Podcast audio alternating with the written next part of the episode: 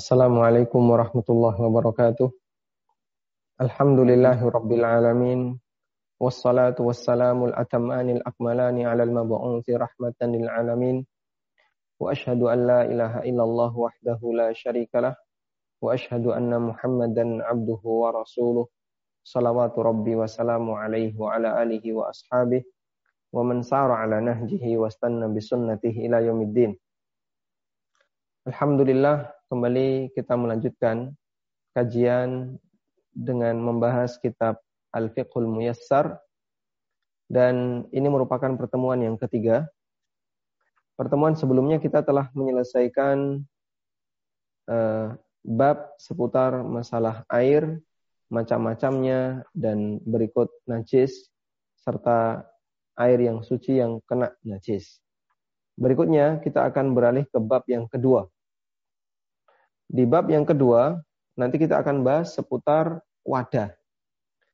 Wadah di sini berarti media yang digunakan untuk bersuci. Media yang digunakan untuk bersuci. Sebagaimana yang dulu pernah kita sampaikan dalam sistematika belajar fikih, bahwa dalam fikih toharoh ketika kita membahas tentang masalah bagaimana cara bersuci, para ulama juga membahas wadahnya. Karena salah satu di antara syarat air yang suci adalah dia berada di wadah yang suci. Ada empat permasalahan yang disampaikan oleh penulis di sini terkait masalah wadah. Yang pertama adalah penggunaan wadah yang terbuat dari emas dan perak untuk makan, minum, dan wudhu.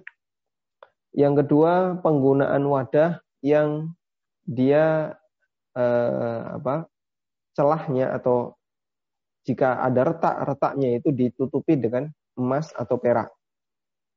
Yang ketiga, wadah yang dimiliki oleh orang kafir. Dan yang keempat adalah wadah yang terbuat dari kulit binatang yang tidak disembelih secara syar'i atau kulit bangkai. Dan nanti kita akan tambahkan yang kelima. Yang kelima adalah wadah yang terkena terik panas matahari. Tayyip, kita bahas yang pertama tentang penggunaan emas dan perak dalam bersuci. Mengenai bersuci, penggunaan emas dan perak apakah diperbolehkan atau tidak? Pertama, bahwa pada asalnya kita diperbolehkan menggunakan wadah apa pun untuk makan, untuk minum, untuk bersuci, maupun untuk kebutuhan yang lainnya. Kenapa? Karena hukum asal segala sesuatu yang ada di muka bumi ini diperbolehkan. Kita gunakan share screen, saya tambahkan catatan dengan menuliskan di notepad ya. Jadi pembahasan masalah wadah ada kaedah yang perlu kita Ingat bahwa hukum asal hukum asal semua wadah adalah mubah untuk dimanfaatkan. Sehingga Anda bisa memanfaatkan wadah dari bahan A, dari bahan B, dari bahan C, selama tidak ada larangan dari syariat. Selama tidak ada larangan dari syariat. Ini prinsip. Maka ketika di situ ada yang mengatakan ini terlarang, berarti dia harus mendatangkan dalil. Ah, Baik dimanfaat. Apa itu screennya hijau di kami nggak nggak kelihatan? Nggak kelihatan pak? Lihat kelihatan di sana ya Ustaz. Uh, sebentar. Ini ada ada di blok ada blok hijau gitu jadi oh masya Allah saya nggak ngerti ini kok di blok hijau coba di di unshare dulu Ustadz di stop sharing terus share lagi coba insya mungkin. Sudah kita ulang share. Coba share lagi. Coba.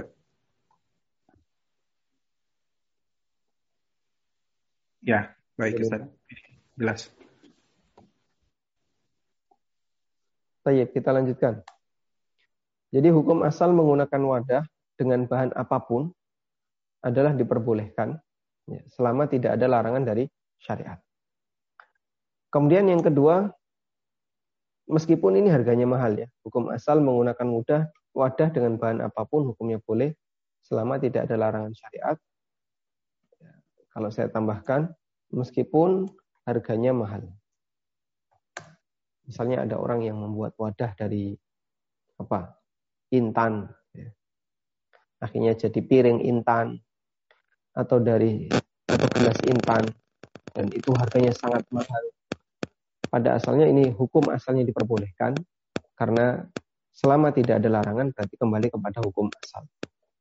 Yang kedua, ada hadis yang melarang penggunaan wadah yang terbuat dari emas dan perak.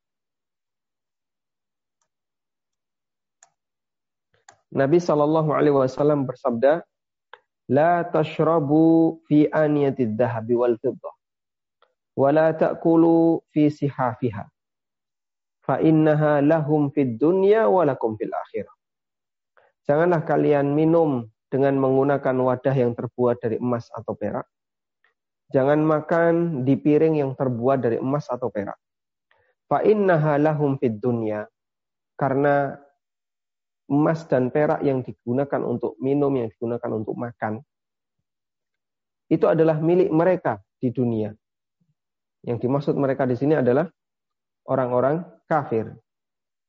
Yang dimaksud mereka di sini adalah orang-orang kafir. Saya ganti koneksi, Pak.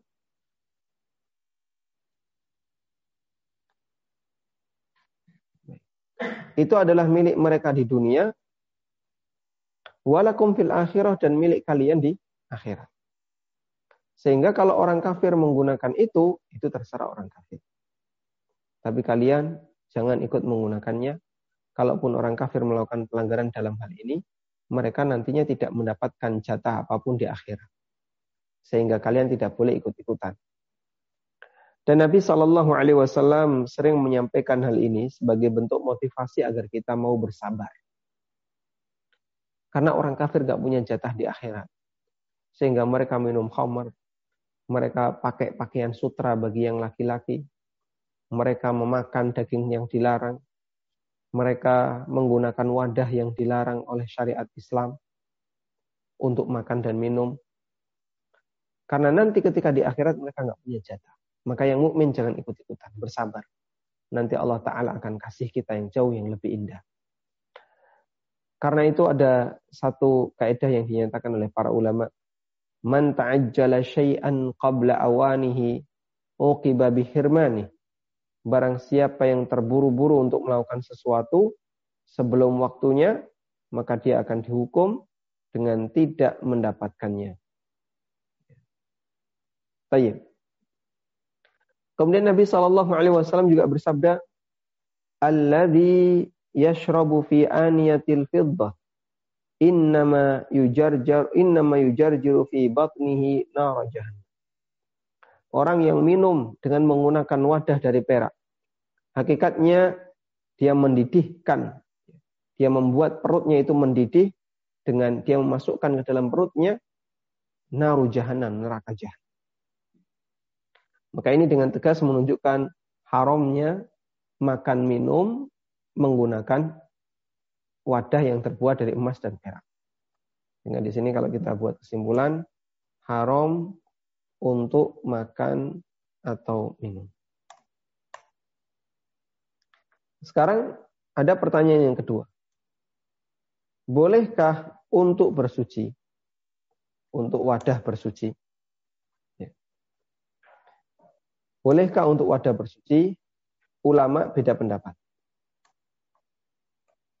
Kalau di sini haram berdasarkan nas hadis. Kalau yang kedua ini ulama berbeda pendapat. Ada sebagian yang membolehkan dan sah bersucinya. Dan ini pendapat jumhur ulama. Dan ada yang mengatakan dilarang dan wudhunya tidak sah. Dan ini pendapat sebagian ulama di antaranya adalah Ibnu Hazm dan ada yang mengatakan itu pendapat yang uh, dinisbahkan kepada Syekhul Islam Ibn Taimiyah. Tayyib. Namun pendapat yang lebih kuat dalam hal ini adalah pendapat jumhur ulama bahwa menggunakan wadah yang terbuat dari emas atau perak untuk kepentingan wudhu, hukumnya sah dan diperbolehkan. Kenapa? Karena teks hadisnya hanya berbicara untuk wadah yang terbuat dari emas atau perak untuk pemanfaatan makan dan dan minum. Sedangkan untuk bersuci Nabi Shallallahu Alaihi Wasallam tidak menyebutkan larangan. Baik. Kemudian berikutnya adalah penggunaan wadah yang ditambal dengan menggunakan emas dan perak. Wadah ditambal emas atau perak. Kalau di sini penulis menegaskan untuk emas dilarang. Emas dilarang. Jika ada wadah yang ditambal dengan emas atau perak, maka tidak boleh dipakai untuk makan. Tapi kalau perak diperbolehkan. Berdasarkan hadis dari Anas bin Malik radhiyallahu anhu yang diriwayatkan oleh Bukhari, "Inka saraqadhu Rasulullah sallallahu alaihi wasallam fattakhadha makana syi'bi silsilatan min fiddah." Wadahnya Nabi Shallallahu Alaihi Wasallam itu pernah pecah, lalu beliau tutupi bagian yang pecah itu dengan silsilatan min fiddah, dengan uh, apa leburan dari perak dipakai untuk menutupi bagian yang kena bagian yang celah.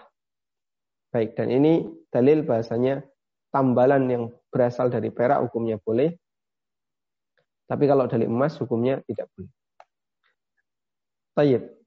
Sampai di sini selesai kaitannya wadah yang terbuat dari emas dan perak.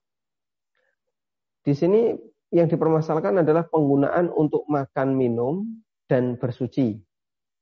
Untuk makan minum ulama sepakat dilarang berdasarkan nas hadis. Untuk bersuci ulama berbeda pendapat. Sebagian membolehkan dan sebagian melarang. Sementara tambalan dari emas atau perak, ya, di sini ada rincian, untuk emas hukumnya dilarang, sedangkan untuk perak diperbolehkan. Dan e, jika dipajang ya, wadah yang terbuat dari emas atau perak tapi untuk dipajang, boleh nggak? Jawabannya boleh, karena tidak ada larangan. Misalnya eh, ada orang yang punya pajangan berupa sendok ya, emas atau piring emas terus digantung, hukumnya boleh. Disimpan boleh, dipajang juga. Karena tidak ada larangan di sana. Wallahu taala alam. Baik, berikutnya kita beralih kepada masalah wadah orang kafir.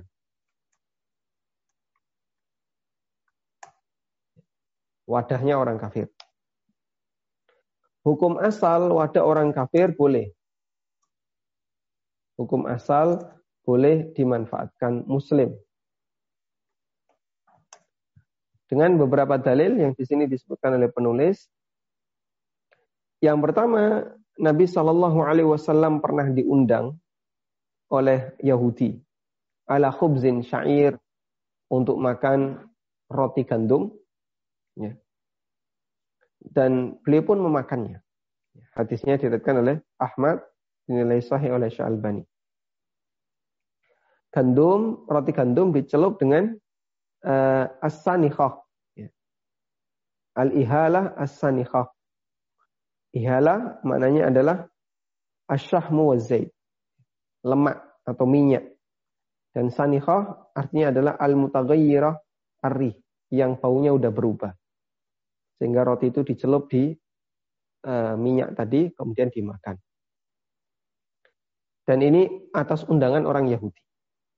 Padahal Yahudi itu uh, di masa silam, kadang mereka minum khamar, kadang mereka makan daging yang dilarang. Maka dari sini menunjukkan bahwasanya hukum asal diperbolehkan memanfaatkan wadah milik orang kafir. Kecuali kecuali jika ya, kecuali jika eh, orang itu atau wadah itu diketahui pernah digunakan untuk benda najis. Kecuali jika wadah itu diketahui oleh si muslim digunakan untuk benda najis. Misalnya dipakai untuk wadah babi atau dipakai untuk minumin anjing. Lalu di wadah itu dipakai lagi dan dipakai untuk memberikan hadiah makanan kepada muslim. Nah, ini tidak boleh dipakai wadah kayak gini karena dia pernah diketahui oleh muslim ini digunakan untuk mengkonsumsi sesuatu yang haram atau benda najis. Nah, cara untuk mengetahui cara mengetahui ada dua. Dari mana muslim bisa tahu kalau wadah itu pernah dipakai oleh orang kafir untuk wadah najis? Caranya ada dua. Cara yang pertama adalah uh, melihat langsung kejadian. Saya pernah lihat gelas ini dipakai oleh si A itu untuk minum khamar. Nah, berarti dia pernah melihat gelas ini dipakai untuk sesuatu yang haram, untuk benda najis. Ini dengan melihat langsung kejadian. Yang kedua, yang kedua berdasar kebiasaan. Misalnya ada orang punya tetangga dan tetangga ini hobi makan babi. Ya. Maka piringnya kena daging babi, wajannya, eh, kemudian mancinya, dan perabotan yang ada di rumahnya tidak bisa lepas dari daging babi. Selanjutnya gimana? Maka jika kita dikasih makanan dari orang ini dengan menggunakan wadah dia, kita tidak boleh memakannya karena wadah di situ uh, adalah wadah yang najis. Berdasarkan kebiasaan dari orang kafir tadi. Wallahu taala. Maka di sini dinyatakan oleh penulis wa amma idza lam tu'lam najasatuha bi ayyakuna ahluha ghaira ma'rufina najasah fa innahu yajuzu Adapun jika tidak diketahui titik najisnya, di mana pemiliknya non-muslim bukan termasuk orang yang dikenal suka mengkonsumsi benda-benda najis, fa'innahu yajuzu isti'maluha. Maka boleh menggunakan wadah seperti ini bagi muslim. Li'annahu sabata an nabiyya sallallahu alaihi wasallam wa ashabahu akhadul ma'alil wudu'i min mazadati imra'atin musyrikah. Karena terdapat riwayat yang sahih di mana Nabi SAW dan para sahabat mereka mengambil air untuk wudhu dari mazada, dari gentong, dari gentong yang dimiliki oleh seorang wanita musyrikah. Hadisnya riwayat Bukhari dan Muslim. Baik. Nah, kita garis bawahi pernyataan penulis itu adalah jika tidak diketahui najisnya, karena pemiliknya bukan orang yang terkenal mengkonsumsi sesuatu yang najis. Berarti ini berdasarkan kebiasaan. Baik.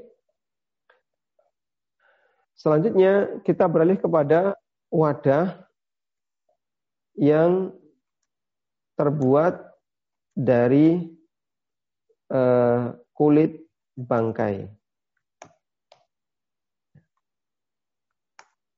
Kulit bangkai ada dua, bangkai hewan yang halal dimakan. Halal dimakan tuh hewannya, bukan bangkainya ya. Bangkai hewan yang halal dimakan. Misalnya bangkai kambing, bangkai sapi. Maka kulitnya jika sudah disama,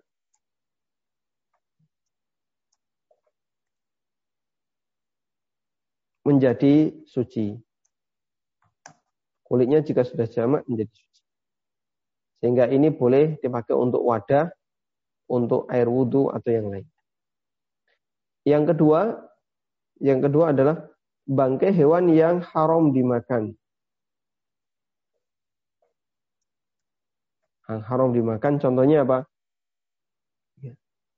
Misalnya bangkai anjing, bangkai babi. Boleh nggak ketika ada babi yang mati kulitnya disamak kemudian dipakai untuk uh, kepentingan manusia? Jawabannya tidak diperbolehkan. Nah, di sini penulis mengatakan uh, Wahada fima idza kanatil maitatu mimma tahilluha zakatu wa illa fala. Aturan di atas itu berlaku jika bangkainya adalah bangkai hewan yang halal disem, setelah disembelih. Wa illa fala. Jika bangkainya bukan termasuk bangkai yang halal disembelih, maka tidak berlaku hukum ini. Yaitu jika sudah di apa? di apa disama kulitnya maka kulit itu menjadi suci. Tayyib. Pembagiannya kayak gini ya. Wadah yang terbuat dari kulit bangkai, bangkai hewan yang halal, kulitnya jika sudah disama maka kembali suci. Kalau bangkai hewan yang haram, maka meskipun disama dia tidak suci.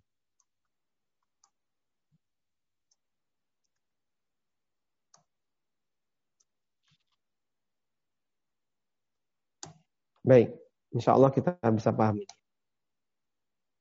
Makanya saya eh, tidak setuju dengan dompet kulit ular, kemudian sabuk kulit buaya, atau apa lagi, eh, kulit-kulit hewan yang bermasalah, hewan yang haram dimakan, bukan bermasalah, hewan yang haram dimakan, jaket kulit singa atau kulit macan itu tidak boleh semuanya.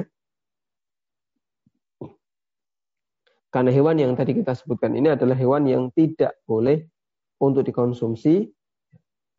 Sehingga meskipun dia eh, apa disembelih, tapi statusnya tetap bangkai dan ini tidak boleh untuk dikonsumsi atau untuk diambil dan dimanfaatkan wadah eh, kulitnya setelah disama. Baik. Nah, di sini perlu kita garis bawahi bahwa kulit bangkai itu boleh dimanfaatkan tapi tidak boleh dimakan. Ini catatan ya. Kulit bangkai boleh dimanfaatkan tapi tidak boleh dimakan.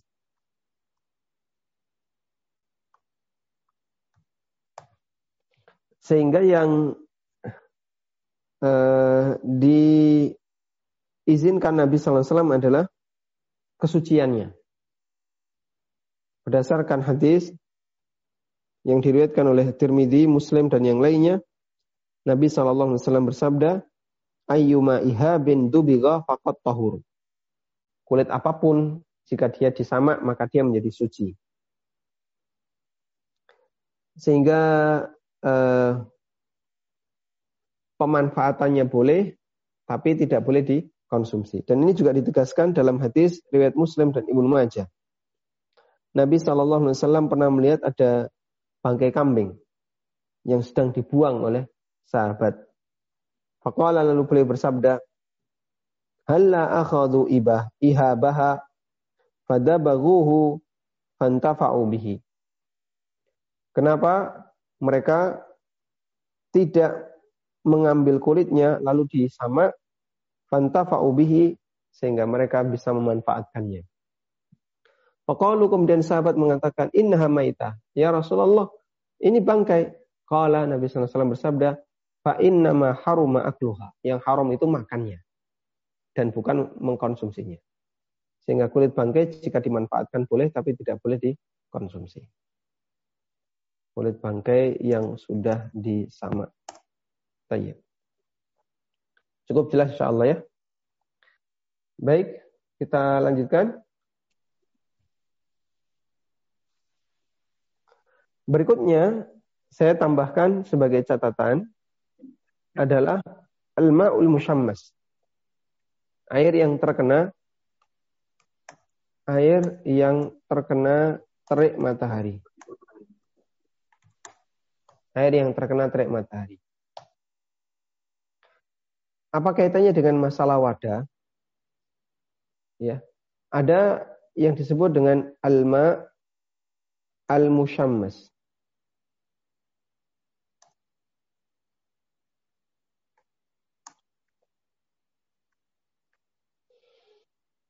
Air yang terkena terik matahari.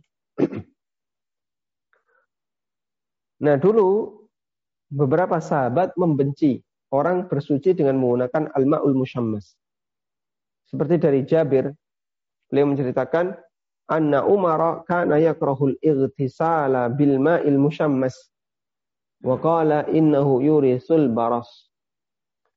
Bahasanya Umar itu benci orang mandi dengan menggunakan al-ma'ul musyammas. Dan beliau mengatakan al-ma'ul musyammas itu bisa menyebabkan penyakit lepra. Jadi di sini dasarnya adalah Umar membenci orang yang bersuci dengan menggunakan air musyammas.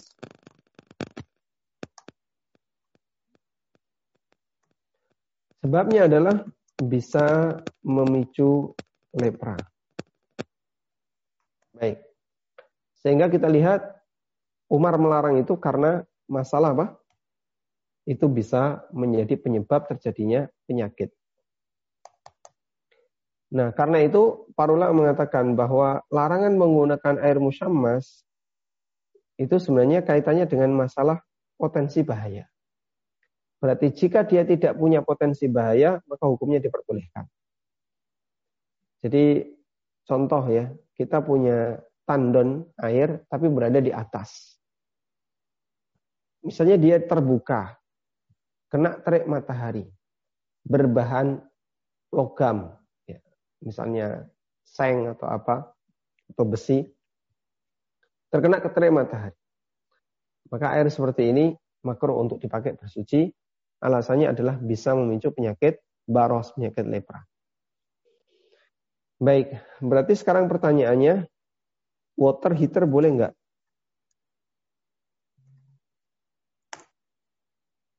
Air dari pemanas, itu boleh atau tidak? Dipakai untuk mandi, dipakai untuk wudhu.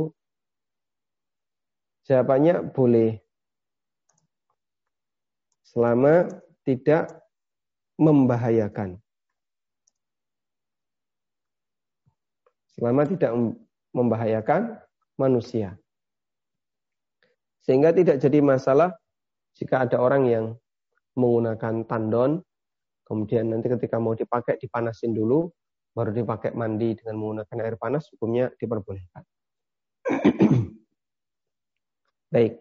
Sehingga tidak ada larangan wudhu dengan menggunakan air hangat atau mandi dengan menggunakan air hangat.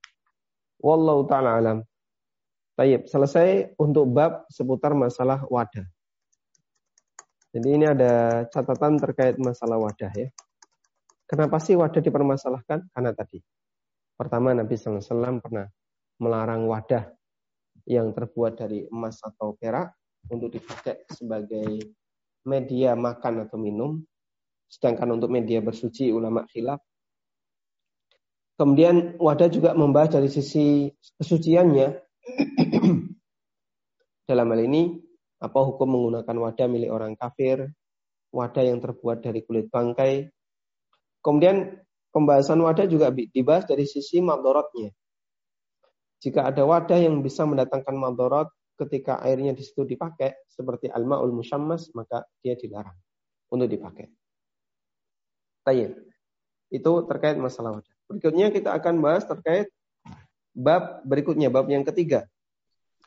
Al-babu thalith fi qada'il hajati wa adabiha wa fihi iddatu masail. Bab yang ketiga terkait masalah buang hajat dan adab-adabnya. Dan di sini ada beberapa masalah. Dan adab tentang buang air ini, Masya Allah, dibanggakan oleh Salman Al-Farisi. Beliau pernah didatangi oleh orang musyrik. Lalu orang musyrik itu mengatakan, Yu'allimukum nabiyukum kulla syai'in hatta al-khira'ah. Apakah nabimu mengajari kamu segala sesuatu sampai urusan khira'ah? sampai urusan WC. Jawab dari sahabat ini, oh, ajar, nah. Salman mengatakan dengan bangga, betul. Oh iya. Padahal maksud orang kafir tadi adalah ingin menghina Salman dan Rasulullah Sallallahu Alaihi Wasallam. Masa masalah toilet aja dibahas, masalah gimana cara buang air aja dibahas.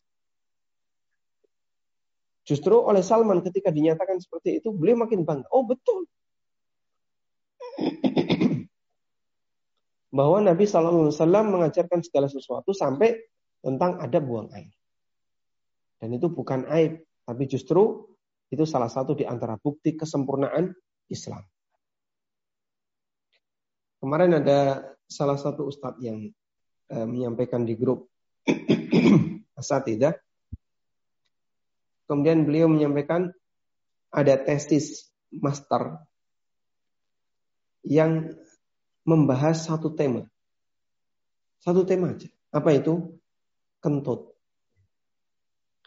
Jadi membahas kentut itu jadi tesis di Madinah atau di mana? Saya kemarin tidak perhatian nggak perhatian uh, universitasnya. Yang jelas tesis itu di share dan itu cuma bahas kentut aja. Masya Allah. Hmm.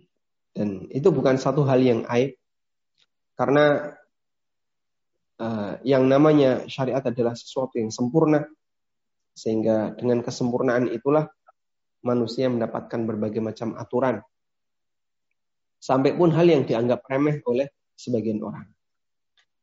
Taib. Yang pertama kita akan bahas tentang istinja dan istijmar. Wa qiyamu ahadihima maqamal akhar. Pertama hukum istinja dan istijmar. Coba kita lihat definisi istinja. Istinja adalah izalatul kharij minal minas sabilaini bil ma. Menghilangkan semua yang keluar dari dua dubur, dari dua jalan, baik dubur maupun kubul, bilma'i dengan menggunakan air wal istijmaru masfuhu bitahirin mubahin mungkin kal hajari wa nahwihi. Ada dua istilah yang mirip, istinja, istijmar. Bedanya apa? Kalau istinja ini bersuci setelah buang air dengan menggunakan air. bersuci dengan menggunakan air atau bersuci setelah buang air dengan menggunakan air. Ini istinja. Sedangkan istijmar adalah bersuci dengan menggunakan benda apa pun yang bisa dipakai untuk bersuci.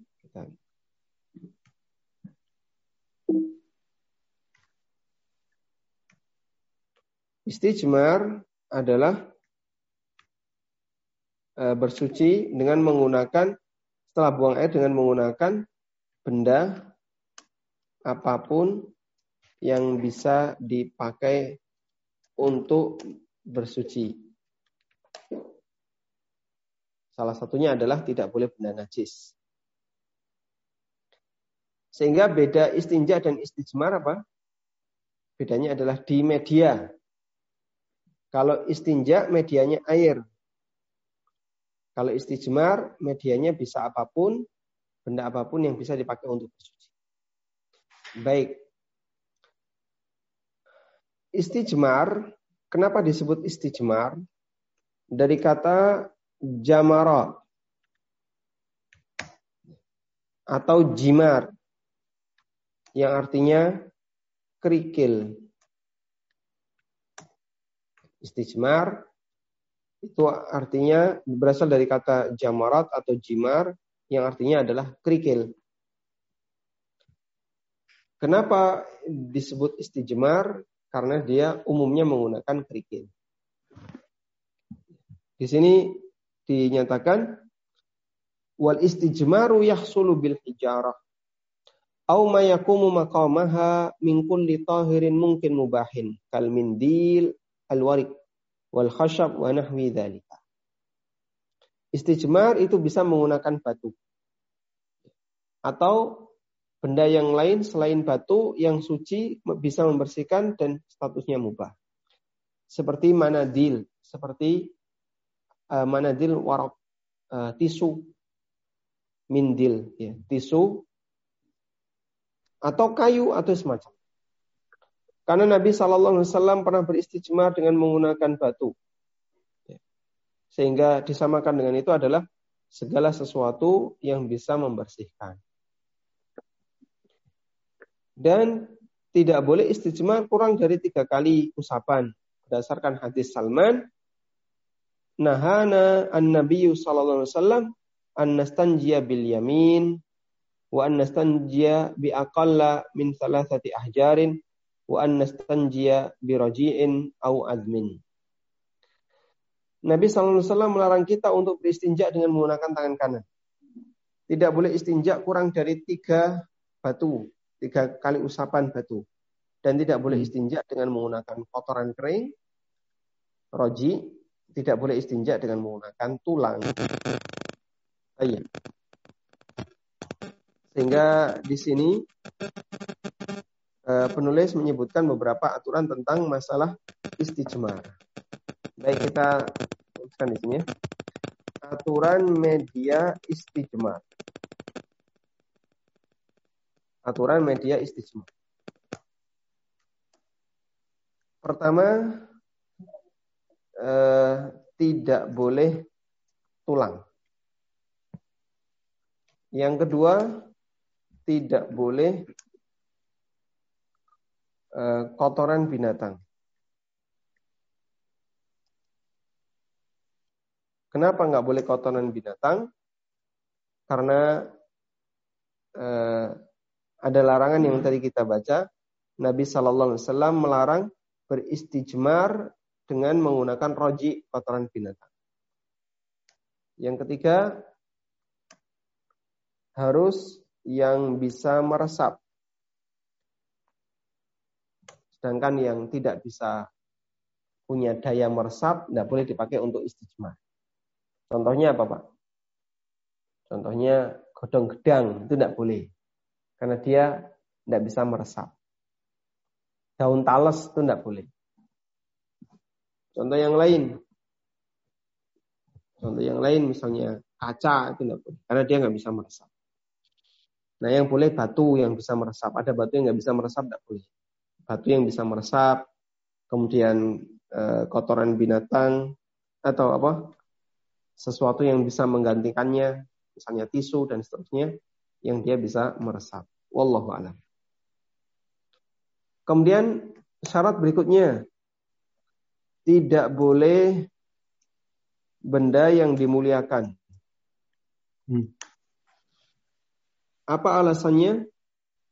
Alasannya adalah Nabi Shallallahu Alaihi Wasallam melarang hmm. istijmar dengan menggunakan tulang. Dan tulang itu beliau kasih alasan. Karena ini adalah makanan bagi saudara kalian di kalangan jin. Sehingga dalam rangka untuk menghormati jin, maka tidak boleh menggunakan tulang sebagai media istijmar atau istinja. Dikiaskan dengan ini, kata An-Nawawi adalah semua yang dimuliakan. Jika makanan jin saja dimuliakan tidak boleh dipakai untuk istinja, maka makanan manusia lebih tidak Karena itu tidak boleh istinja dengan menggunakan nasi atau gorengan atau tahu goreng tidak boleh. Karena ini adalah makanan manusia yang wajib untuk dimuliakan. Kemudian tidak boleh ada lafzul jalalah atau eh, apa yang berisi tulisan-tulisan yang dimuliakan. Misalnya tulisan hadis atau Al-Quran tidak dipakai untuk istijmar. Tayyib. Saya tadi membuat catatan. Kita lihat.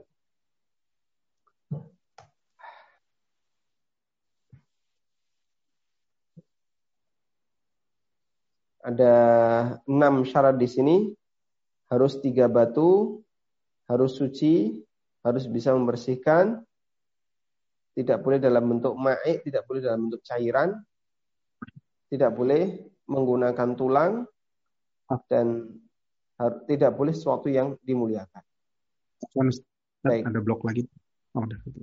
Karena itu dalam uh, aturan istinja, air zam-zam tidak boleh untuk istinja. Air zam-zam tidak boleh untuk istinja. Kenapa? Karena air zam-zam disamakan oleh Nabi SAW seperti makanan. Beliau Shallallahu Alaihi Wasallam pernah bersabda,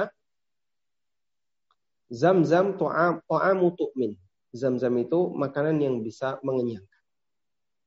Makanya air zam-zam tidak boleh dipakai untuk istinja. Nah di Saudi itu ada banyak sekali toilet ya. Toilet satu, toilet dua, putra dan putri.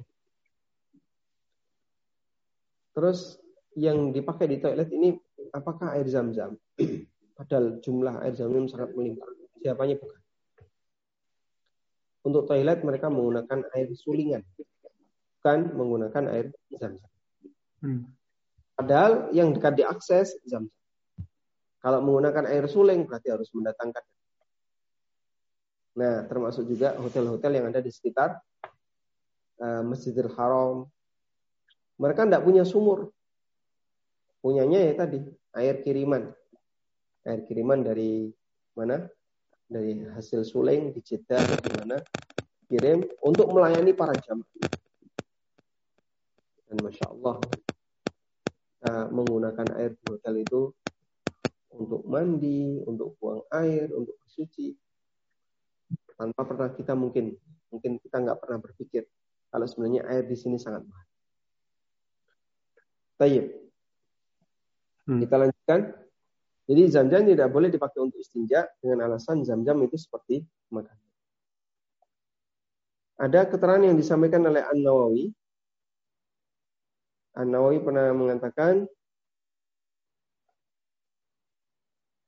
Yushtaratu fi ma yustajmaru bihi alla yakuna muhtaraman kal awraq allati fiha dzikrullah aw ta'am wa nahwi dzalika wa hadha bittifaq bittifaqil mahdhahib al fiqhiyatil arba'ah.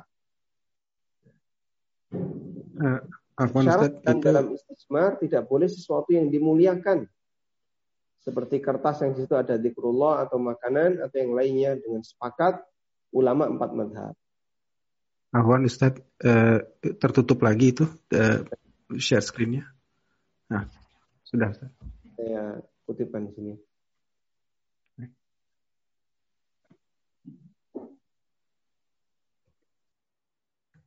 Coba kita lihat keterangan An-Nawawi. Dalam syarah Sahih Muslim, An-Nawawi pernah mengatakan, Amal azmu falikaunihi ta'aman lil jin. Adapun tulang dia nggak boleh dipakai untuk istismar karena dia adalah makanan bagi jin. Panabbaha ala jami'il makumat. Sehingga di sini melebar untuk seluruh makanan jika makanan jin dimuliakan, maka makanan manusia harus lebih dimuliakan. Watul tahaku watul tahiku bihi al muhtaramat kal ajza'il hayawanan wa auraki kutubil ilmi wa ghairi dalika. Dan disamakan dengan ini adalah semua yang dimuliakan. Seperti aurak kutubil ilmi. Kertas-kertas yang di situ ada catatan ilmu Hmm. Waghairi dalika dan yang lain. Baik. Insyaallah cukup jelas terkait masalah aturan media istijmar. Kemudian berikutnya adalah istiqbalul kiblah wa istidbaru hala qada'il hajat. Menghadap atau membelakangi kiblat ketika buang hajat. Tidak boleh menghadap kiblat atau membelakanginya ketika buang hajat. Fis sahra di tanah lapang bila hail tanpa penutup. Berdasarkan hadis Abu Ayyub Al-Ansari radhiyallahu anhu, Rasulullah SAW bersabda, "Idza ataitumul ghaita fala tastaqbilul kiblah wala tastabdiruha walakin syarriku aw gharribu." Apabila kalian buang air, maka jangan menghadap kiblat, jangan membelakangi kiblat, tapi hadaplah ke arah timur atau ke arah barat. Kenapa? Karena kiblat ketika itu arahnya ke arah selatan. Waqala Abu Ayyub kata Abu Ayyub faqadimna Asyam. Ketika saya sampai di Syam, kami jumlahi toilet-toilet itu dibangun dengan menghadap ke arah Ka'bah. Fanan harifu anha. Akhirnya kita pun mengubahnya dan kita mohon ampun kepada Allah Subhanahu wa taala wa nastaghfirullah. Tayyib. Dan ini berlaku jika uh, buang airnya di dalam ruangan. Amma ingkana fi bunyanin, adapun buang air yang dilakukan di dalam ruangan atau ada pemisah, ada tutup antara dia dengan arah kiblat, maka hukumnya boleh. Berdasarkan hadis Ibnu Umar radhiyallahu anhu bahwasanya beliau pernah melihat Rasulullah SAW kencing di rumahnya menghadap ke arah Syam ke Baitul Maqdis dan membelakangi kiblat. Membelakangi Ka'bah. Yang ini menunjukkan bahwa eh, jika buang hajat itu dilakukan di dalam ruangan, maka tidak berlaku hukum sebagaimana ketika di luar ruangan. Yang tidak boleh menghadap atau membelakangi kiblat. Wallahu a'lam. Sekarang yang jadi masalah bagaimana kalau kita berada di tempat orang lain yang toiletnya menghadap atau membelakangi kita. Padahal kan kita tidak mungkin menyesuaikan. Apalagi kalau uh, apa toilet duduk, dia menghadap ke arah kiblat. Anda kan tidak mungkin misalnya buang air besar membelakangi kiblat. Karena dia toilet. Tayyip. Mungkin kalau toilet jongkok masih mungkin ya. Meskipun nanti jadinya nggak sopan. Karena dia tidak pas lubangnya. Baik, sehingga kalau sudah seperti itu, Anda bisa berada di posisi menyesuaikan dengan apa yang sudah ada. Nah, kesimpulannya seperti ini ya, terkait masalah menghadap atau membelakangi kiblat.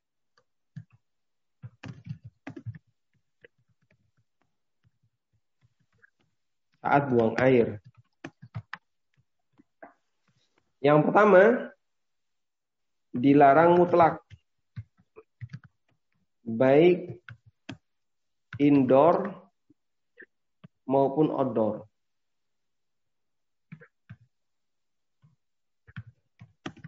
baik di dalam ruangan maupun di luar ruangan. Dan di antara yang berpendapat seperti ini adalah Abu Ayyub Al-Ansari. Yang tadi kita baca uh, sekilas tentang hadis beliau. Kemudian ada pendapat yang mengatakan dilarang dilarang menghadap kiblat.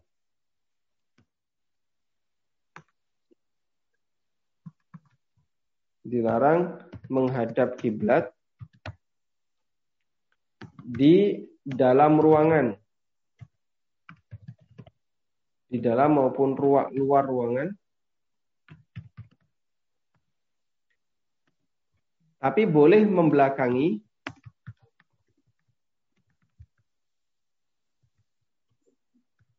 jika di dalam ruangan. Hmm. Yang ketiga, dilarang menghadap atau yang ketiga dilarang jika di luar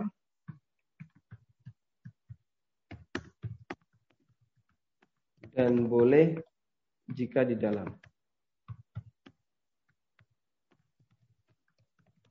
Jika di dalam ruangan. Baik, ini kesimpulan terkait khilaf ulama masalah menghadap atau membelakangi kiblat. Ada yang mengatakan dilarang mutlak. Mau di dalam ruangan, di luar ruangan tidak boleh sama sekali. Dan itu pendapatnya Abu Ayyub Al-Ansari. Makanya beliau mengatakan, ketika kami tiba di Syam, kami jumlahi banyak toilet dibangun menghadap Ka'bah. Maka kami pun mengubahnya. Wa nastaghfirullah dan kami mohon ampun kepada Allah. Yang ini dohirnya, wallahu ta'ala alam, berarti menurut Abu Ayyub, di dalam pun hukumnya tidak boleh menghadap atau membelakangi kita. Kemudian bagaimana dengan hadis Ibnu Umar? Nah, hadis Ibnu Umar, uh, ulama mengatakan itu menunjukkan kalau boleh menghadap atau membelakangi kiblat. asal di dalam ruangan. Karena hadis Ibnu Umar, beliau melihat kejadian itu saat uh, Nabi SAW buang air di toilet beliau. Ya. Ngapain Ibnu Umar melakukan seperti itu? Karena beliau ingin melihat sunnah Nabi SAW. Jadi beliau naik ke rumahnya Hafsah. Ya. Anda kalau lihat model rumah orang Arab, insya Allah paham gimana orang bisa naik terus melihat. Karena model rumahnya kotak. Model rumahnya kotak. Bagian depan, bagian depan ini ketutup. Ada bagian depan lagi. Bagian depan lagi ini cuma ditutupi dengan uh, apa pelepah-pelepah jejer. Tapi di sini tidak dipakai untuk untuk istirahat. Yang dipakai untuk istirahat di bagian belakangnya, yang dia ketutup. Bagian belakang ada tembok lubang atas. Nah dari situlah Ibnu Umar melihat Rasulullah SAW buang air kecil menghadap ke arah Syam, membelakangi kiblat menghadap ke arah Syam dan membelakangi kiblat. Sebagaimana dalam hadis yang Nabi kita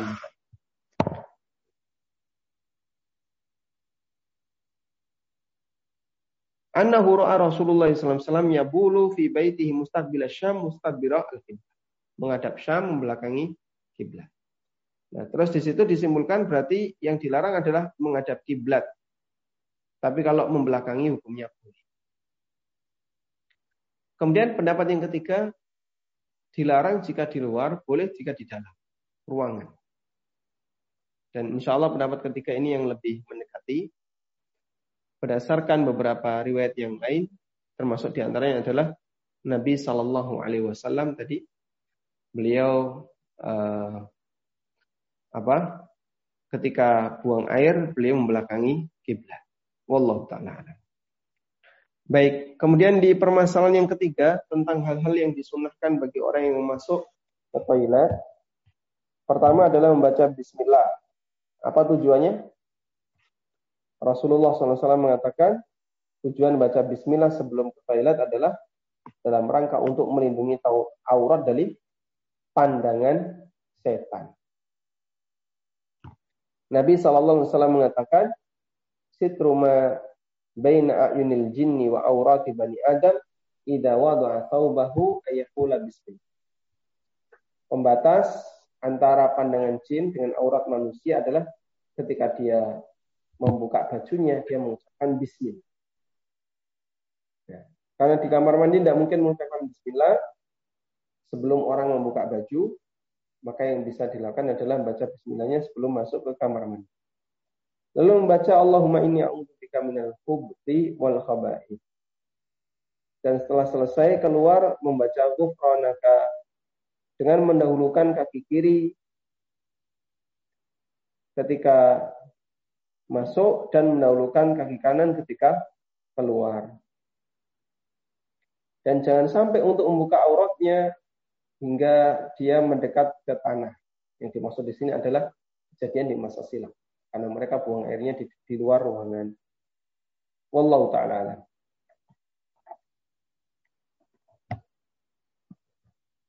Nah, selanjutnya eh, kenapa ketika orang keluar dari toilet atau Nabi SAW ketika keluar dari toilet beliau mengucapkan gufronak. Hadisnya riwayat Abu Dawud, Tirmidzi dan statusnya Hasan.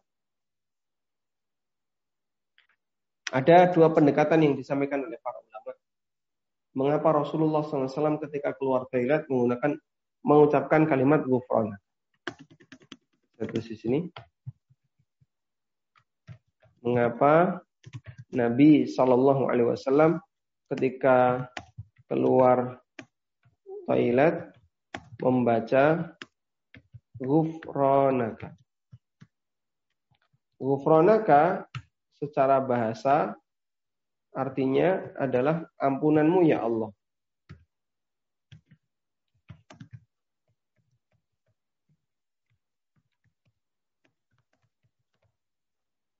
Sehingga gufronaka adalah permohonan ampunan. Istighfartu gufronaka. Kenapa Nabi SAW ketika keluar toilet membaca Gufranaka? Ada dua pendekatan ulama.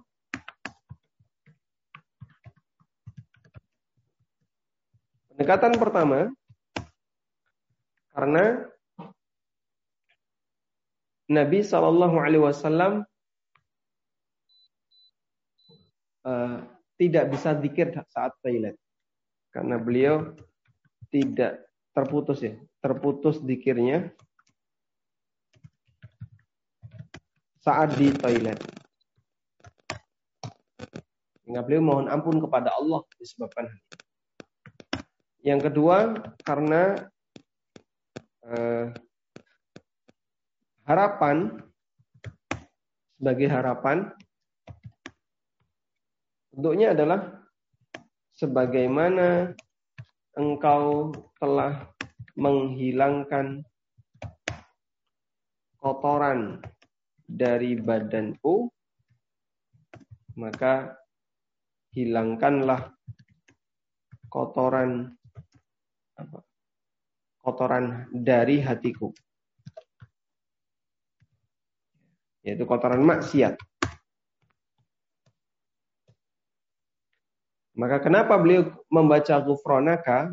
Menurut pendekatan yang kedua, karena Nabi SAW mengharapkan e, hal itu, ya Allah sebagaimana engkau telah membersihkan perutku dari kotoran-kotoran manusia, maka bersihkan hatiku dari kotoran dosa. Sehingga saat keluar toilet, beliau membaca ghufranaka. Wallahu alam. Selanjutnya, hal-hal yang diharamkan untuk dilakukan ketika orang hendak buang hajat. Yang pertama, haram kencing di air yang menggenang. Berdasarkan hadis dari Ibnu Abbas. Yang ketiga, tidak boleh menyentuh kemaluannya dengan menggunakan tangan kanan ketika sedang kencing atau istinja. Yang ketiga, tidak boleh kencing atau buang air besar di jalan atau di tempat yang teduh. Nabi SAW bersabda, Ittaqul mala'in as Takutlah kepada sumber laknat yang jumlahnya tiga. Pertama adalah buang air besar di tempat singgah manusia. Kemudian juga buang air besar di kori atau tori di jalan atau di tempat yang teduh. Dan itu disebut oleh Nabi SAW sebagai orang-orang yang dilaknat. Kemudian Nabi SAW juga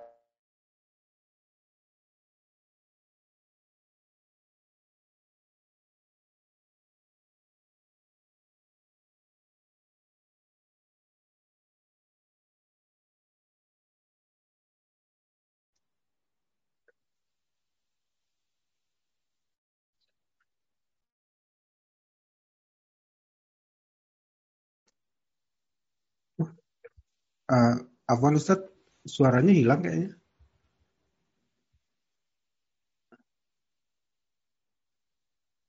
Oh, ter ini termute. Oh, enggak. Uh, Afwan Ustaz, suaranya suaranya tidak terdengar Ustaz. Termute ini. Ini mute.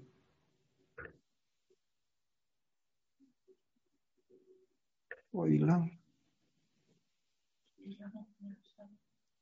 Ustad, Afwan Ustad. Um, um, hostnya asistennya dikirim info. Halo, uh, Ustad. Suaranya hilang Ustad.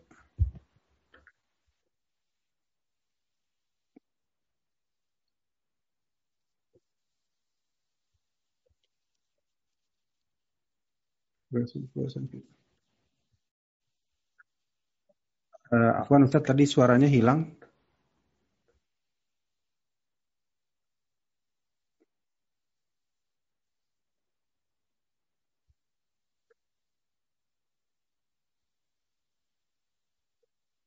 Uh, Ustadz di mute kayaknya itu.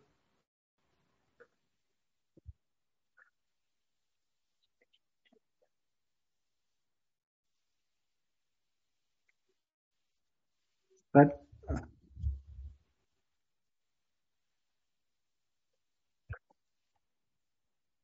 Wan Ustaz, suaranya hilang.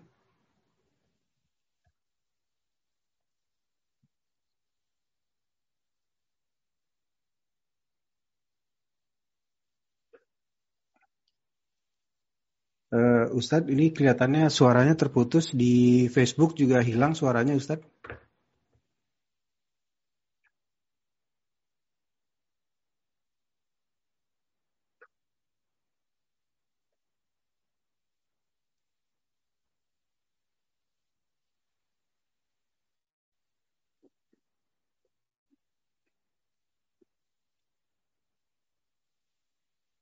Mohon maaf eh, teman-teman ini ada kesulitan teknis kelihatannya. Kami sedang menghubungi uh, tim teknis dari Ustadz, asisten, tapi kelihatannya belum belum tersambung kembali, ada terputus koneksi.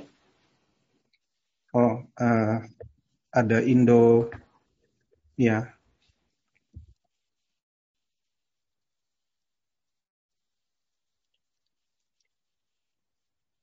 di mute soalnya di mute mute yang uh, yang AN yang di bawah yang ikonnya cuma A sama N.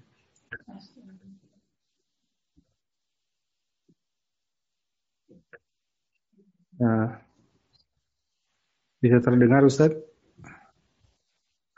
Ini uh, masih di mute Ustaz, tolong yang di uh, eh, HP itu di unmute dulu. Tadi hilang suaranya sekitar 5 menit.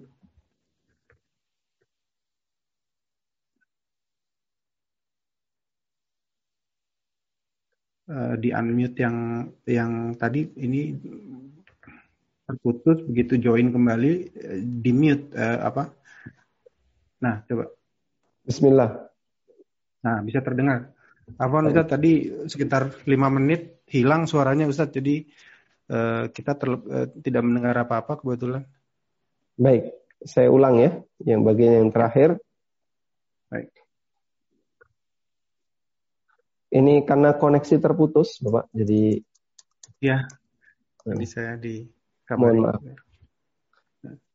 Baik, kita sampaikan yang terakhir adalah uh, hal yang haram dan yang makruh untuk dilakukan di toilet. Nah. Yang haram tadi kita sudah sebutkan, disebutkan oleh penulis, tidak boleh buang air dan rata-rata haram di sini statusnya adalah karena mengganggu orang lain.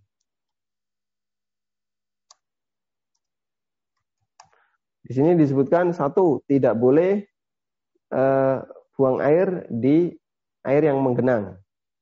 Tidak boleh kencing atau berak di air yang menggenang. Tidak boleh di tengah jalan, di pinggir jalan, di kuburan, kemudian di tempat yang sering dikunjungi orang, di tempat teduh, dan seterusnya. Bahkan boleh sebut sebagai sumber laknat. Kemudian alasan yang kedua adalah karena itu dalam rangka untuk menjaga kemuliaan. Contohnya, tidak boleh beristinja dengan menggunakan tangan kanan. Ya. Menyentuh kemaluan dengan menggunakan tangan kanan. Hukumnya tidak boleh. Kemudian yang kedua makro. Makro ini lebih kepada melanggar adab. Misalnya di situ disebutkan bicara ketika buang air. Ya. Karena dia melanggar adab nggak sopan lagi buang air kok bicara ngobrol. Nah, yang jadi pertanyaan Nabi Shallallahu Alaihi Wasallam ketika di toilet atau ketika beli di kamar mandi, beliau ngobrol dengan Aisyah karena beliau mandi dengan Aisyah. Maka kita coba kasih catatan di sini bicara di kamar mandi. Yang pertama adalah dengan uh, kawannya di kamar mandi. Kawannya di kamar mandi yang boleh berkawan dengan seseorang di kamar mandi itu siapa? Pasangan suami istri. Yang lain, Pak, bayi. Misalnya seorang ibu mandi bersama bayinya.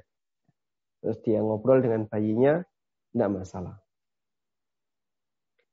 Yang kedua, bicara dengan kawannya di luar kamar mandi. Nah ini yang hukumnya makruh. Di luar kamar mandi. Ini makruh. Baik. Tapi mohon bedakan eh, antara bicara dengan merespon. Bicara dengan merespon itu beda. Kalau bicara hukumnya dilarang, makruh tadi ya. Kalau merespon hukumnya boleh. Kalau bicara makruh, kalau merespon boleh. Contoh merespon, Pak. Contoh merespon. Ibnu Abi Hatim, tadi cerita terakhir yang belum sempat kita sampaikan ya. Ibnu Abi Hatim, beliau ini termasuk orang yang sangat rajin belajar dari ayahnya. Abu Hatim Ar-Razi. Abu Hatim itu punya buku Jarh wa Ta'dil memperkenalkan para perawi-perawi hadis berikut keterangannya. Nah, di antara murid Abu Hatim adalah anaknya sendiri, Ibnu Abi Hatim. Ibnu Abi Hatim ini berusaha untuk memanfaatkan waktu ayahnya. Sehingga kalau ayahnya di rumah dibaca buku itu di depan ayahnya. Nanti kalau ada yang keliru, diingatkan ayahnya. Sampai ketika ayahnya di toilet, Nah, di, orang di toilet kan butuh waktu yang lama.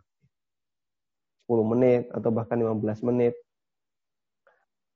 Anaknya membaca di luar toilet dengan suara keras. Bapaknya dengar dari dalam. Kalau ada yang salah, digedor.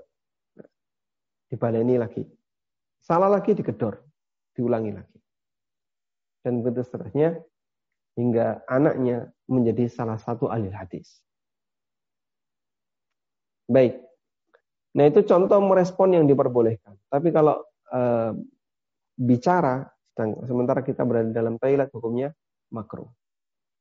Makanya kalau misalnya kita berada di toilet dan toiletnya cuma satu, lalu ada orang yang tanya, ya, ada orang di dalam, terus kita nyalakan keran, oh berarti ada orang. Ini manusia atau bukan? Nah itu kita jawab, jawabnya apa?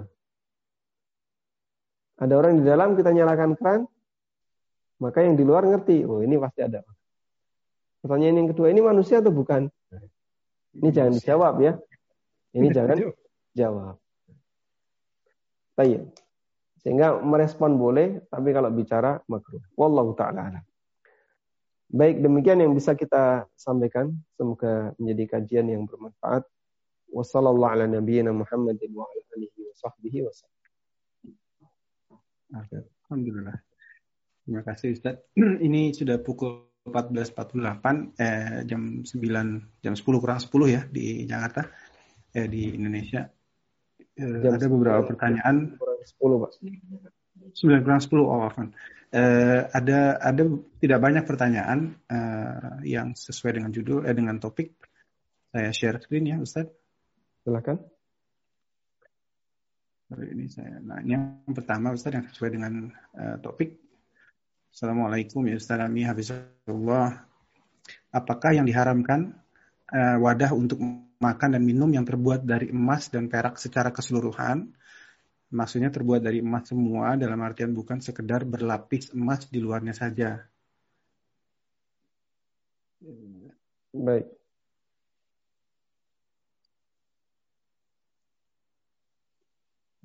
Baik, kita ya. bahas tentang wadah emas atau perak. Bagaimana kalau uh, yang pertama uh, total terbuat dari emas dan perak? Ini tadi pembahasannya untuk makan minum ya.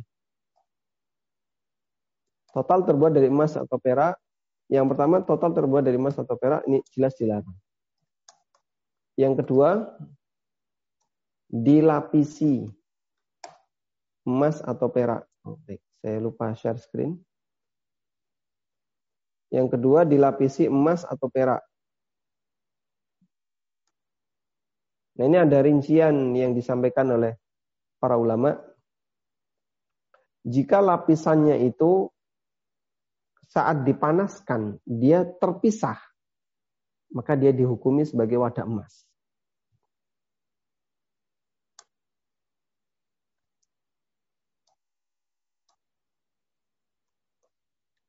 Jika ketika dipanaskan, unsur emasnya terpisah. Baik. Ini sebagaimana keterangan Al-Hafidh Ibnu Hajar dan beliau mengutip hal itu dari keterangan para ulama Syafi'iyah. Saya punya artikel tentang ini di web konsultasi syariah. Coba kita buka. Artikel itu membahas tentang hukum emas yang kurang dari atau 30% eh, ke bawah. Emas yang kadarnya sedikit 30% ke bawah. Nah, itu apakah masih dihukumi sebagai benda ribawi?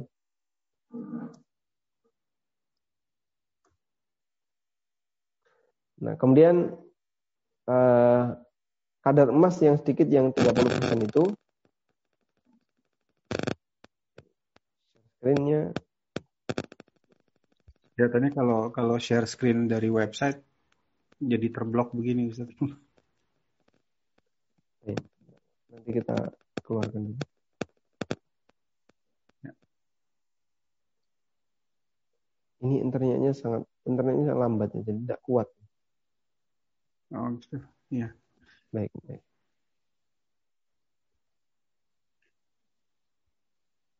Ya, mohon maaf internet lambat jadi muter-muter terus. Jadi ini tetap dihukumi sebagai wadah emas atau perak meskipun hadiah hanya dilapisi. Wallahu a'lam. Baik, selanjutnya.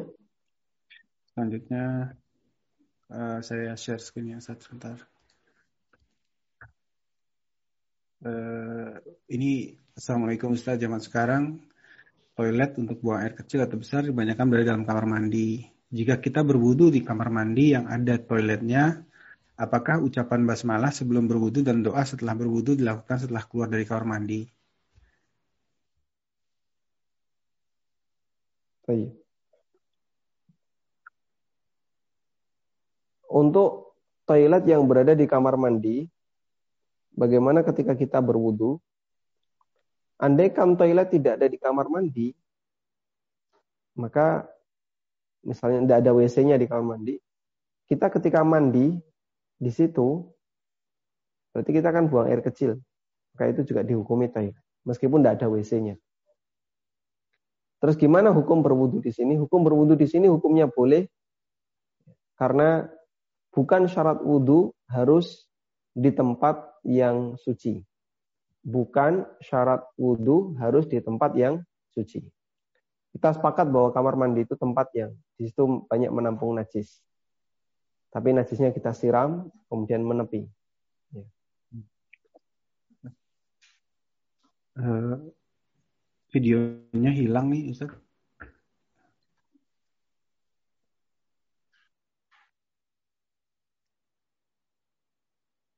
Baik. Baterai kameranya habis, Pak. Baru ganti baterai. Saya lanjutkan. Berwudu di kamar mandi hukumnya boleh karena bukan syarat wudhu harus di tempat yang suci. Bukan syarat wudhu harus menutup aurat. Sehingga wudhu dalam kondisi uh, terbuka auratnya boleh enggak? Boleh. Karena bukan syarat harus menutup aurat. Bukan syarat wudhu harus sudah suci apalagi ya. Karena kalau syarat wudhu harus sudah suci terus gimana fungsi wudhu? Padahal dia fungsinya untuk membersihkan hadas. Karena itu tidak masalah. Sekarang yang jadi masalah Bagaimana dengan basmalahnya? Basmalahnya bisa dibaca sebelum masuk atau basmalahnya dibaca ketika mau wudhu. Dan di sini ulama khilaf. Boleh nggak baca basmalah di dalam kamar mandi ketika mau wudhu? Sebagian membolehkan, sebagian ada yang melarang. Kalau kita mengambil pendapat yang melarang, maka nanti basmalahnya dibaca di hati. Karena kita tidak melapatkan kalimat Allah saat berada di dalam kamar mandi, maka kita baca dalam hati. Wallahu a'lam. Baik, uh, alhamdulillah semoga menjawab pertanyaan. Uh, berikutnya ini ada yang bertanya langsung uh, Mbak Tati, Mbak Tati dari London. Silakan diambil ya. Bismillahirrahmanirrahim. Assalamualaikum. Uh, berhubung dengan mandi itu tadi, di sini kamar mandi kan ada curtainnya ya. Jadi musim dingin kebanyakan kita mandi di bak mandi itu lama. Selama kita ada di kamar mandi yang tertutup eh, tempat mandinya itu, apakah kita bisa mendengarkan ceramah atau sesuatu sambil mandi karena bisa setengah jam satu jam di dalam bak itu sendiri? Lama sekali. Karena ya. Seperti kongkom begitu ya. Oh, Masya Allah. Mandi di bak mandi, eh, tapi ada curtainnya kan, jadi terpisah antara WC-nya, antara lainnya, seakan-akan dikubik sendiri begitu. Kalau dalam keadaan begitu, boleh enggak kita sambil mendengarkan, sambil kungkum begitu, sambil mandi. Bukan mandi-mandi di syawah, bukan. Ngerti? Ya, Ustaz Tami yang saya maksud. Baik. Nah, uh, saya belum punya pengalaman kamar mandi yang seperti itu ya. Mungkin di daerah-daerah dingin ada kamar mandi sambil kungkum. Baik, kalau ya. misalnya kita mandi di tempat seperti ini dalam waktu yang lama sampai setengah jam, uh, bolehkah sambil mendengarkan pengajian atau yang lainnya? Jika sumber suara pengajian itu di luar kamar mandi, misalnya di ruang tamu, dan corongnya tidak ditaruh di dalam kamar mandi, Cuman hmm. imbas suaranya masuk ke dalam kamar mandi, insya Allah tidak masalah. Sebagaimana uh, apa peristiwa yang tadi dialami oleh Ibnu Abi Hatim bersama ayahnya. Hmm. Dan juga disebutkan dalam riwayat yang ada di buku ya, Nabi Shallallahu Alaihi Wasallam ketika beliau sedang buang air kecil, ada sahabat yang ngasih salam. Hadisnya riwayat Muslim. Beliau ngasih sahabat ini ngasih salam. Falam yarudda alaihi. Tapi Nabi SAW nggak menjawab. Berarti suaranya dari jauh. ya Mungkin sejarak sekian meter. Nabi SAW mendengarnya sedang buang air kecil. Beliau sedang buang air kecil. Dan beliau tidak menjawabnya. Karena dalam jawaban salam, di situ ada lafat Allah, ada lafzul jalal. Sehingga sebatas mendengar insya Allah tidak masalah. Namun lebih dari itu kita sarankan jangan terlalu betah di kamar mandi. Kecuali kalau ada hajat besar misalnya uh, dalam kondisi diare, susah untuk buang air, sehingga dia harus tungguin sabar sampai uh, perutnya mulai nyaman. Itu berarti ada hajat, ada kebutuhan. Tapi kalau dalam kondisi normal, sebaiknya jangan terlalu betah di kamar mandi, karena Nabi SAW mengatakan Inna hadil khusus muhdar. Sesungguhnya tempat seperti ini itu dihadiri oleh setan. Ah. Sebagai seorang muslim sebaiknya tidak terlalu betah di tempat seperti ini. Wallahu a'lam. Baik. Nah, semoga menjawab ya eh, Mbak Tati.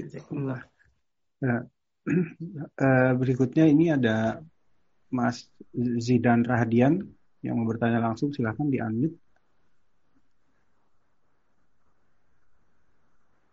Assalamualaikum warahmatullahi wabarakatuh. Waalaikumsalam warahmatullahi wabarakatuh. Barakallahu fikum Ustaz. Fikum barakallah. Uh, begini Ustaz, karena uh, sempat pernah ke rumah salah satu orang non muslim, ya orang Korea gitu ada ada anjingnya di situ. Terus anak nggak sengaja uh, megang apa maksudnya uh, si uh, gerbangnya ternyata anjingnya itu di bawah nggak kelihatan. Dia ngejilat-jilat tangan gitu terus anak itu bersin yang pakai tanah tujuh kali. Nah anak kebetulan ketemu dengan dokter hewan ada teman gitu sama eh, ngaji. Katanya eh, tidak usah dicuci dengan tujuh kali itu cukup dengan sabun karena dikembalikan ke hadis yaitu yang dicuci bejana jika anjing minum di bejana jadi kalau ke kita langsung tuh tidak usah katanya. Namun yang jadi pertanyaan apakah memang seperti itu untuk hadisnya gitu. Jadi uh, uh, cukup dengan sabun saja jika memang menjilati tangan karena di sini juga ada ada banyak anjing gitu di lingkungan ini meskipun itu pemiliknya muslim itu Ustaz. Jazakallah khairan. Jazakallah khairan. Ini sudah pernah kita bahas di pertemuan sebelumnya. Uh, ketika kita membahas tentang cara membersihkan najis, untuk najis air liur anjing, ulama berbeda pendapat. Atau yang pertama, untuk najis air liur anjing kita bisa kasih rincian. Yang pertama, jika dia minum di sebuah wadah. Kemudian wadah itu mau kita manfaatkan. Maka dia harus dicuci sebanyak tujuh kali. Dan ini disepakati oleh ulama, maksudnya adalah ulama yang mengakui keberadaan hadis tadi berdasarkan nas hadis tersebut. Berdasarkan nas dari hadis tersebut. Sehingga dia wadah ini kalau mau dimanfaatkan dicuci tujuh kali. Tapi kalau wadah ini tidak mau dimanfaatkan ya biarin aja. Misalnya ada orang punya wadah tupperware bagus, terus diisi air, dikasihkan anjing, kemudian air itu diminum anjing. Ini tupperware bagus, sayang kalau dikasihkan anjing. Dia mau menggunakannya untuk wadah bakso. Maka sebelum digunakan, cuci dulu sebanyak tujuh kali, baru silahkan dipakai untuk yang lain. Yang kedua, anjing menjilati anggota badan kita atau pakaian kita. Apakah perlu dicuci tujuh kali? Ulama beda pendapat. Sebagian ada yang mengatakan perlu dicuci tujuh kali, sebagaimana ketika anjing minum di wadah. Dan sebagian mengatakan cukup dicuci sekali, karena teks hadisnya itu berbicara tentang anjing minum wadah, dan bukan bicara semua jilatan anjing.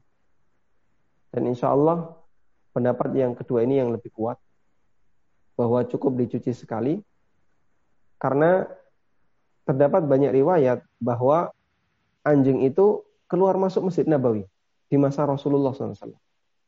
Kanal kilabu yakbalu yadbar yakbalu yadbir fil masjid fil masjid fi zaman Nabi SAW. Bahwa anjing itu kadang keluar masuk di Masjid Nabawi di masa Rasulullah SAW. Kadang mereka tidur di dalam. Dan yang namanya anjing, eh, bawaannya ya selalu ada liurnya di mulutnya. Kadang dia menjulurkan lidahnya, terus liurnya netes. Tapi karena di sini bukan dalam kondisi sedang minum di sebuah wadah, maka sahabat ketika melihat itu paling cuma disiram. Ya. Setelah itu boleh dipakai untuk sholat. Wallahu a'lam. Hmm. Baik, uh, ini ada pertanyaan berikutnya yang titip pertanyaan Ustaz. Uh, Demikian Assalamualaikum warahmatullahi wabarakatuh. Afwan mau tanya, apakah kalau kita sudah mandi bersih, eh, boleh tidak berwudu lagi? Apakah tetap harus berwudu lagi? Mungkin yang dimaksud mandi mandi junub mungkin ya Ustaz. Atau mandi bersih saja, mandi biasa. Mandi bersih, bukan mandi, mandi junub. bersih. Baik. Baik. Waalaikumsalam warahmatullahi wabarakatuh. Kalau Anda mandi bersih, dalam arti bukan mandi besar, maka jika mau sholat harus wudhu lagi. Kenapa? Karena yang Anda lakukan bukan mandi yang bisa menghilangkan hadas besar atau kecil, dan bukan mandi yang disyariatkan. Tujuannya hanya untuk mandi karena rutinitas pagi dan sore, sehingga di situ uh, ketika mau sholat tetap harus berwudhu. Wallahu a'lam. Kecuali kalau mandi besar dan nanti akan kita bahas di sesi yang lain terkait aturan mandi junub. Wallahu a'lam. Baik. Uh, masih ada berapa menit lagi Ustaz waktunya? Ini ada. Silakan disambung dulu. Ya, baik. Uh, ini pertanyaan yang sesuai dengan tinggal satu lagi. Ini saya gabung dua pertanyaan dari dua penanya Ustaz, tapi kelihatannya mirip. Assalamualaikum, bagaimana kalau terima telepon di toilet? Lalu yang kedua, kalau ada yang bertanya dan memerlukan jawaban dari luar toilet. Baik, bagaimana kalau terima telepon di toilet? Terima telepon di toilet berarti dia bicara dengan orang yang berada di luar. Maka sebaiknya jangan diterima. Makanya kita ingatkan hati-hati dengan nada dering. Jangan sampai menggunakan ayat-ayat yang di situ berisi atau ayat-ayat Al-Quran atau kalimat-kalimat yang di situ berisi lafzul jalalah. Misalnya kalimat suara adzan atau nasyid-nasyid islami yang ada suara yang ada kalimat Allah dan seterusnya. Karena ketika itu berdering dalam toilet ada suaranya saya ya. Masya Allah saya sudah ngaji di toilet. Ada suaranya saya surem juga tidak baik. Ada yang beralasan, ini kan saya senang Al-Quran, makanya saya suka mendengarkan Quran. Sehingga saya gunakan sebagai nada dering, surat Ar-Rahman. Baik, sekarang kita buktikan. Kalau alasan Anda adalah cinta Al-Quran, ingin mendengarkan suara Al-Quran, sehingga Anda gunakan Quran itu sebagai nada dering. Maka saat Anda ditelepon, keluar suara Al-Quran. Yang harus dilakukan apa? dengerin jangan dimatikan. Dengerin suara Qur'annya jangan dimatikan. Kira-kira gimana? Hmm. Berarti telepon yang masuk itu diangkat nggak? Nggak diangkat. Nggak diangkat. Kalau telepon yang masuk dia angkat, Qur'annya mati. Suara Qur'annya mati. Ya. Sehingga praktek dia itu justru bertentangan dengan ucapannya.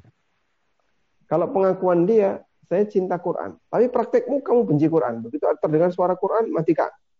Terdengar suara Quran, matikan. Kan seharusnya kalau ini memang seneng, dengerin. Jangan dimatiin. Tapi ini enggak. Begitu mendengar suara Quran, matikan.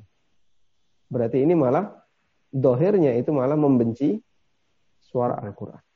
Wallahu alam. Sudah Ustaz, saya lagi. Tadi satu lagi Pak. Satu lagi, baik. Satu lagi ini. Kalau ya, dua pertanyaan tadi kan? Tadi, oh ya tadi dua pertanyaan. Afwan, Ustaz. Yang bertanya memerlukan jawaban dari toilet. Ustaz. Eh, kalau ada yang bertanya memerlukan jawaban dari luar toilet. Ya. Yang, yang bertanya di luar toilet maksudnya. Jadi yang yang apakah kita boleh menjawab dari luar dari dalam toilet? Baik, Nabi Shallallahu Alaihi Wasallam dikasih salam dan beliau nggak jawab. Padahal itu termasuk kewajiban maka selagi hmm. bisa ditunda ditunda. Kecuali kalau darurat ya. Misalnya apa? Apa kebakaran atau apa. Tapi kalau sifatnya urusan duniawi, istri tanya, "Pak, di mana kunci motor?" Yang itu masih bisa ditunda, maka sebaiknya ditunda. Wallahu a'lam. Baik. Uh, tadi berikutnya uh, Bismillahirrahmanirrahim. Apakah saat di kamar mandi kita diperbolehkan sekalian melakukan sunnah di hari Jumat? Semisal potong kuku dan mencukur rambut.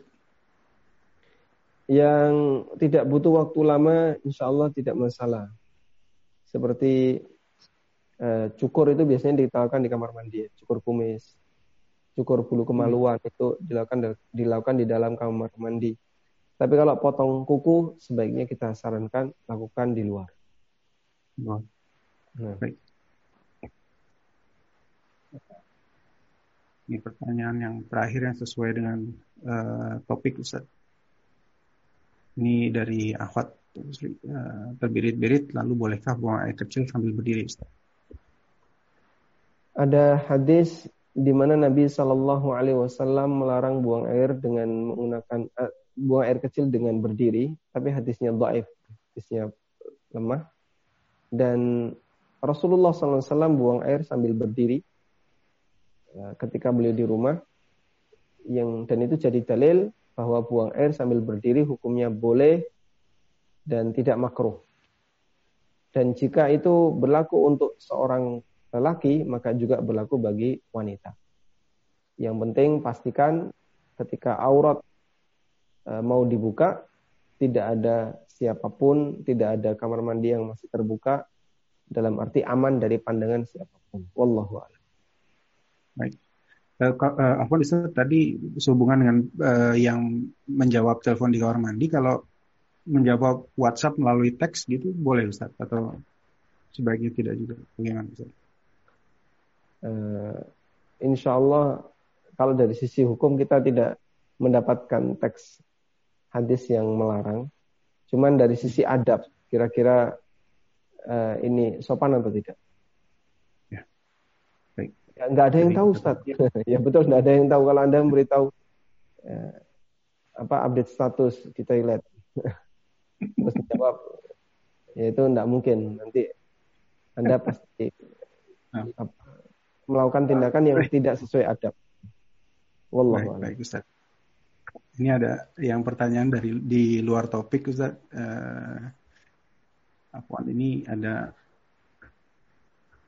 di luar topik ini Ustaz. Assalamualaikum Ustaz. Nana kalau sholat kadang bacaan sujud dan ruku tertukar. Ini bagaimana Ustaz? Waalaikumsalam warahmatullah. Di buku saya tafsir sholat. Ya. Barangkali Bapak Ibu sudah dapat yang versi e-book.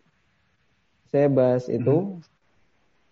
Bahwa orang yang tertukar bacaan sujud dan ruku maka statusnya sama seperti tidak membaca doa.